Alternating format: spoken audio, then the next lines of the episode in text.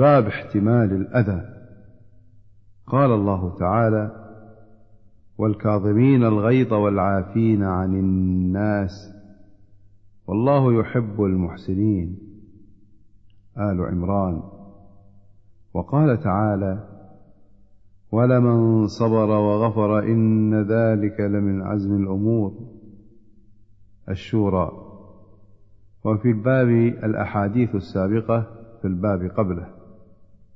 وعن أبي هريرة رضي الله عنه أن رجلا قال يا رسول الله إن لي قرابة أصلهم ويقطعوني وأحسن إليهم ويسيئون إلي وأحلم عنهم ويجهلون علي. وقال لئن كنت كما قلت فكأنما تسفهم المل. ولا يزال معك من الله تعالى ظهير عليهم ما دمت على ذلك.